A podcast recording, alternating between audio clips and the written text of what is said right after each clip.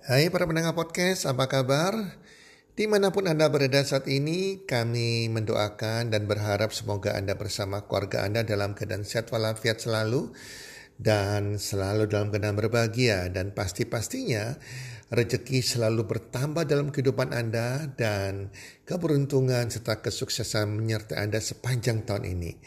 Para pendengar podcast, di podcast kali ini kami spesial hadirkan wawancara dengan Sudari Fani Chan. Fani Chan adalah seorang pelopor sulam alis di Indonesia. Beliau seorang pengusaha dan masih muda. Para pendengar podcast dan kali ini Bro Eka Darmadi akan memandu kita di podcast kali ini dengan spesial wawancara dengan Saudari Fani Chan. Ayo kita dengar sama-sama podcast kali ini satu juta dolar pertamaku.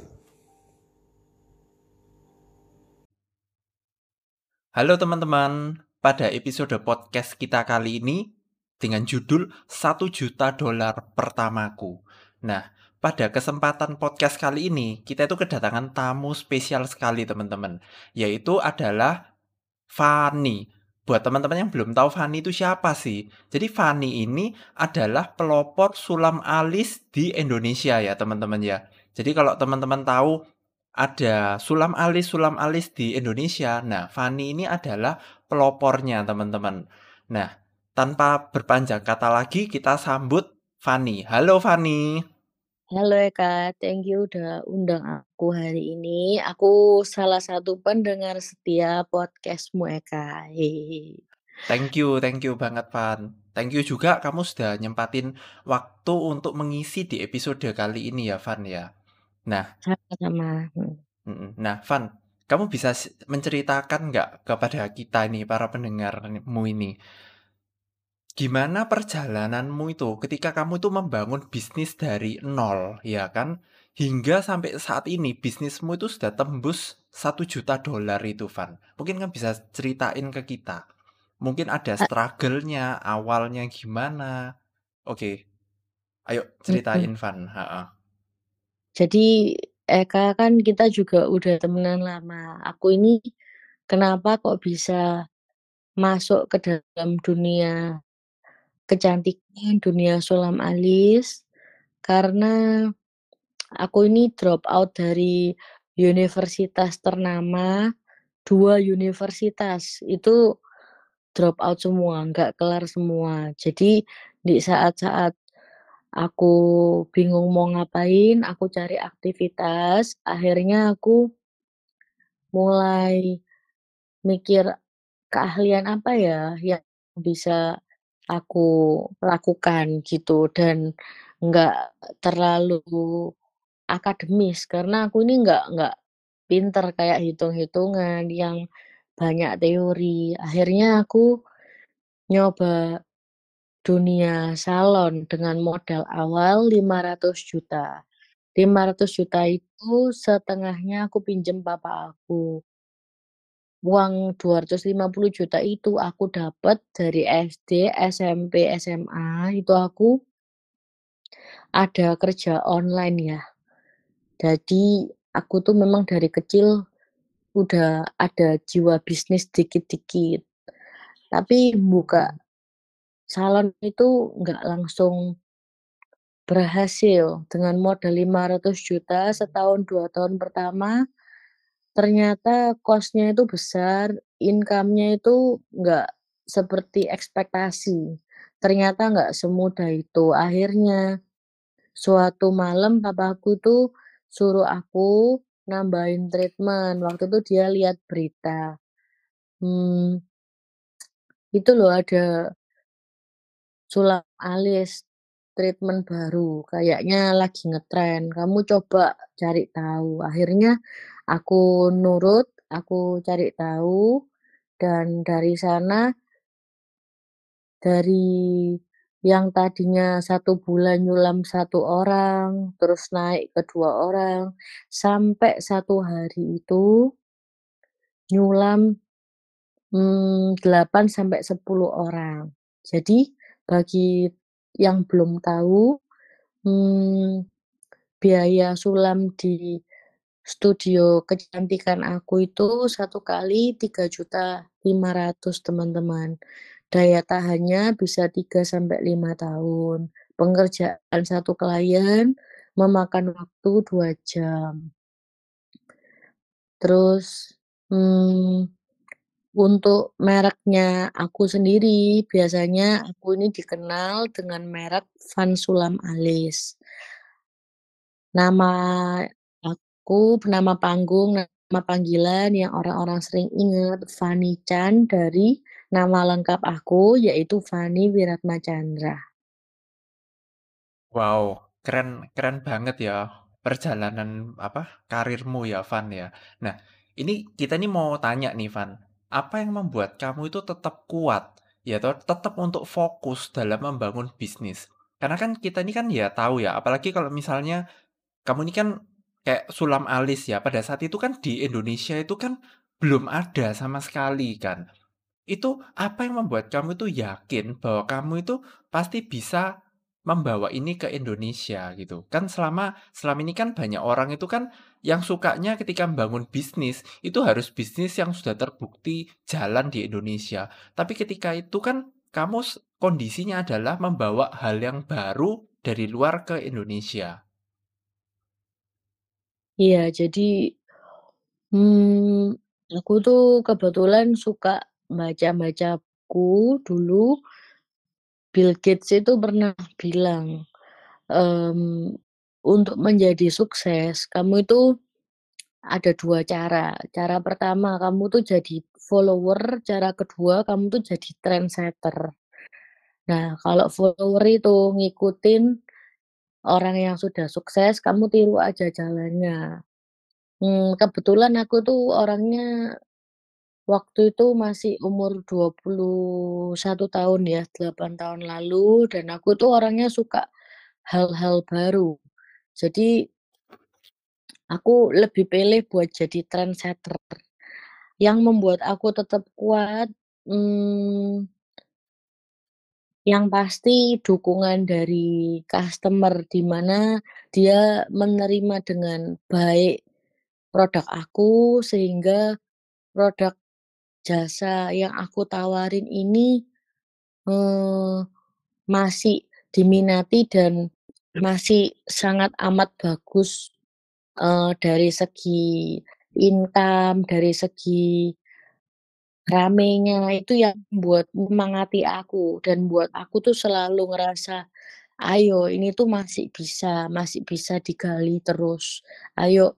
Karena aku juga selama 8 tahun ini bisa ngasilin Rp1.000.000, aku rasa aku belum menemukan kerjaan lain yang lebih baik daripada kerjaan sulam alis yang sesuai skill aku sekarang, untuk diri aku ya, seperti itu. Mmm, oke oke. Nah, mungkin Fanny bisa ceritain sedikit ke kita, bagaimana peranan keluarga Fanny dalam keberhasilan bisnis Fanny ini, Van? Mmm, seperti yang tadi aku cerita, peranan keluarga itu penting banget ya. Kenapa? Karena, mmm, di saat aku 2 kali drop out dari universitas ternama, di mana salah satu universitasnya itu biaya pendidikannya itu yang bisa dibilang paling mahal, satu Surabaya, tapi aku nggak berhasil, tapi keluargaku itu nggak nggak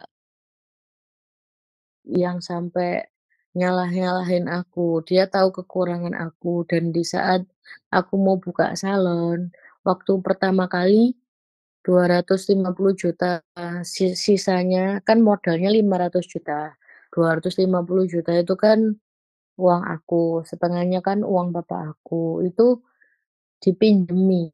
Jadi dia itu mendukung eee, dan waktu 2 tahun awal sepi karena buka salon, ngumpulin setiap hari omsetnya cuma beberapa ratus ribu, sedangkan pengeluarannya besar, bayar pegawai, beli alat bahan, dan lain-lain. Dia itu eee, selalu memotivasi aku. Memang bukan lewat materi, karena didikannya keluarga aku bukan yang ngasih materi terus, tapi, eee dia selalu nanya perkembangan kerjaan aku setiap harinya. Jadi ngajak tukar pikiran dan sampai hari ini itu mereka masih sering, ngeluangin waktu buat gimana, ada masalah apa gitu. Jadi aku ngerasa nggak sendirian. Wow, keren sekali ya, Van, ya. Nah, Van, kamu sekarang kan anggapannya kan kamu tuh sudah achieve $1.000.000 pertamamu kan. Nah, kamu boleh share nggak ke kita, goal-mu, targetmu itu setelah ini tuh kayak gimana sih, Van? Apa yang kamu inginkan untuk kamu bisa achieve berikutnya, Van? Sebenarnya kalau dibilang selama 8 tahun ini itu cukup panjang ya perjalanannya juga. Terus aku untuk sekarang ini setel bersyukur banget bersyukur banget sama eee, Tuhan pastinya udah dikasih banyak berkat. Eee, ke depannya aku pasti ya sebagai manusia ya pasti kepengen kalau bisa tetap menghasilkan eee, kalau bisa dikasih lebih ya lebih untuk hari tua biar enak bisa bahagiain keluarga. Cuman aku sekarang ini lebih ke kayak mmm, apa yang sudah ada itu dipertahanin dan terus dikembangin karena nggak gampang buat nge-branding atau memulai suatu usaha. Jadi kita tetap berusaha sama ngelihat peluang-peluang yang lain kayak salah satunya, eee, kebetulan papaku tuh dari dulu punya impian dia tuh kepingin jadi developer di kota, bangun kayak pergudangan atau, mmm perkantoran, kayak ruko, perumahan. Jadi ini, eee, selama ini yang pendapatan aku itu sebagian aku ada mau invest ke sana. Jadi lebih investasi ke properti, ke bukan bukan lebih ngeluarin banyak tenaga kayak dulu ketika belum ada modal, tapi ketika sekarang aku punya modal, aku lebih kepengen jadi investor sih. Investor di bidang apa nih, Van? Di bidang properti. Jadi papaku tuh, mmm, lagi mau buat namanya Mutiara CBD itu di daerah Papua. Dia ada lahan cukup besar, rencananya akan dibuat kayak distrik perkantoran, pergudangan sama ke depannya juga ada perumahan. Nah, jadi aku juga tetap jadi profesional sama papa aku, aku nanemin mod ini, nanemin modal, ngeluarin Investasi. betul Oh. betul. Nah, kenapa kok aku jadi investasi, karena aku ngerti, mmm, dirinya kita itu kan punya keterbatasan waktu. Sekarang ini kan aku udah jadi dibilang kayak dokter sulam alis ya, di mana waktuku ini ketik orang ketika eee pakai tindakannya aku itu pakai waktu aku, karena kan yang nangani aku. Nah, jadi karena aku tahu kerjaan jasa itu kelebihannya keuntungannya berlipat-lipat karena dibeli jasanya, kelemahan itu waktunya.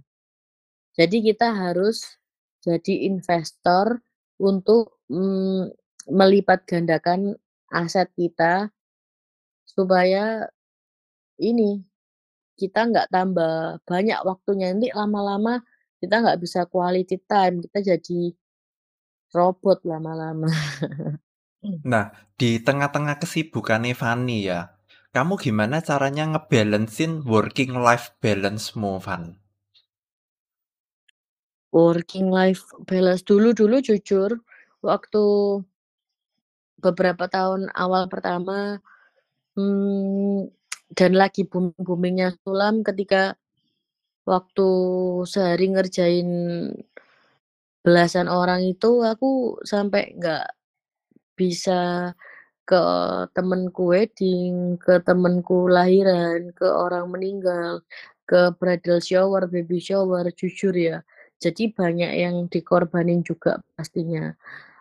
Masalah sosialisasi itu sangat amat terbatas ya, jarang pegang handphone, taunya ya pokoknya kerja kerja kerja. Aku baru nyantai ini waktu pandemi sih, jadi lebih banyak quality time sama temen, sama keluarga karena ngerasa ya life is too short gitu kalau cuman kerja terus. Jadi harus balance.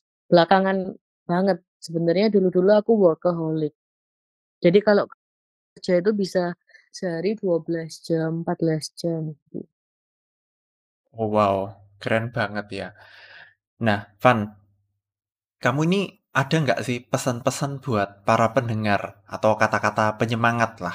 Intinya biar orang-orang ini kalau misalnya mereka ini nggak tahu ya posisi mereka ini lagi di mana, kan mungkin ada yang lagi di tengah, di atas, atau yang lagi di bawah. Itu gimana sih supaya kita itu tetap semangat dan tidak menyerah dengan keadaan itu, Van? Pesan aku buat semua pendengar sejati podcast-nya Eka atau semua temen-temen atau siapa pun kamu yang tiba-tiba nyasar dengerin kisah aku hari ini, pesannya aku jangan takut buat memulai, jangan takut gagal.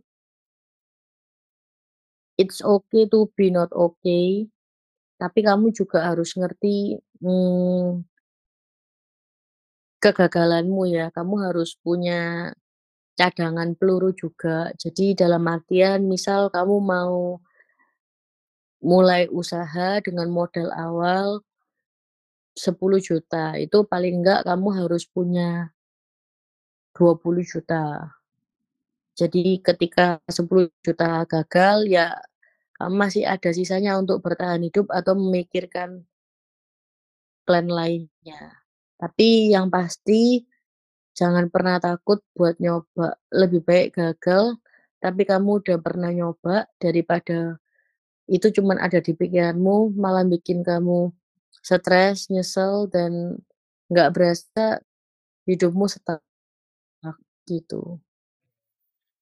Van, kamu kalau misalnya boleh share ya, tadi kan kamu bilang kita nih, eee, jangan pernah takut untuk mencoba, jangan pernah takut untuk untuk gagal, ya kan. Nah, kalau misalnya saat ini mungkin, eee, para audiens ini kan lihatnya kamu itu kan sebagai orang yang sudah sudah berhasil ya ibaratnya. Tapi kamu boleh nggak sih share, kamu pasti pernah kan punya kegagalan yang sempat membuat kamu down. Mungkin kamu bisa share sedikit kegagalan apa yang pernah terjadi dan gimana caranya waktu itu kamu itu kok akhirnya itu bisa bangkit lagi, Van? Mmm, kegagalan bisnis aku itu sebenarnya banyak ya, teman-teman.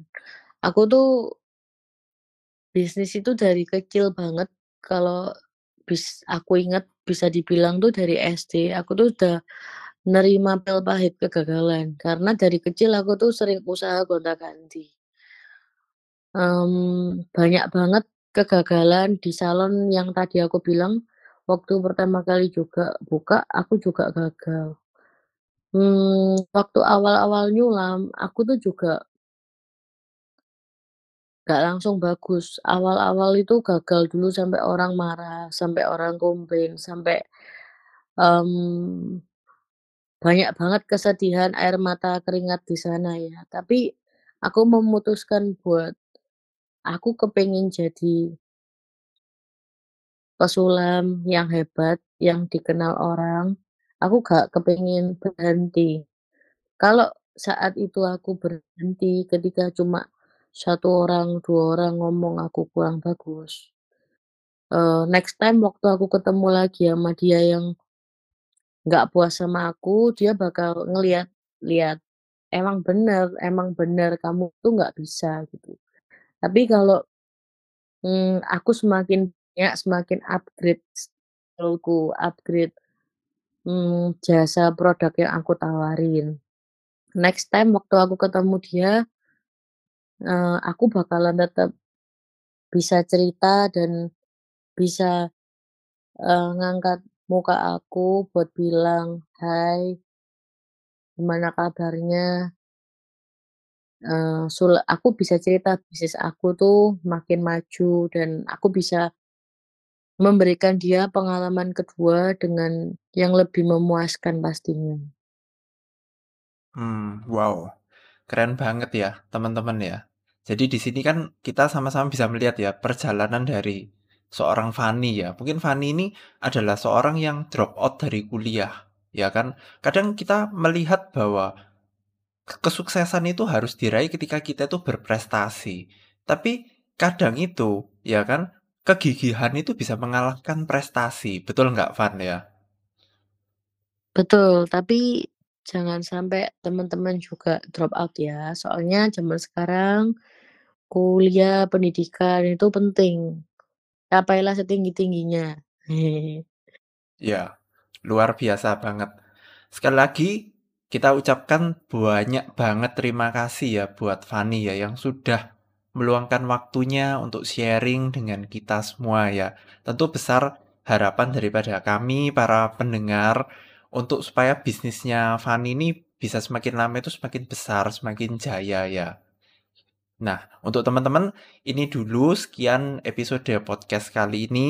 Sekali lagi, thank you ya Fani ya sudah meluangkan waktu untuk datang. Sama-sama, Kak.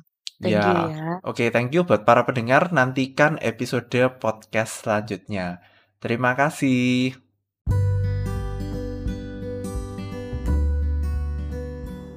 Terima kasih sudah mendengarkan podcast kami. Teman, jika Anda rasa bermanfaat podcast kami ini, Anda bisa menginfokan kepada rekan kerja Anda, keluarga Anda, teman ataupun sahabat Anda. Dan jika ada hal-hal yang Anda ingin tanyakan kepada kami ataupun topik-topik apa yang Anda ingin kami bawakan, kami sampaikan, Anda bisa DM kami di Instagram kami healthcommunity.id. Salam one two three, salam sehat, sejahtera dan bahagia.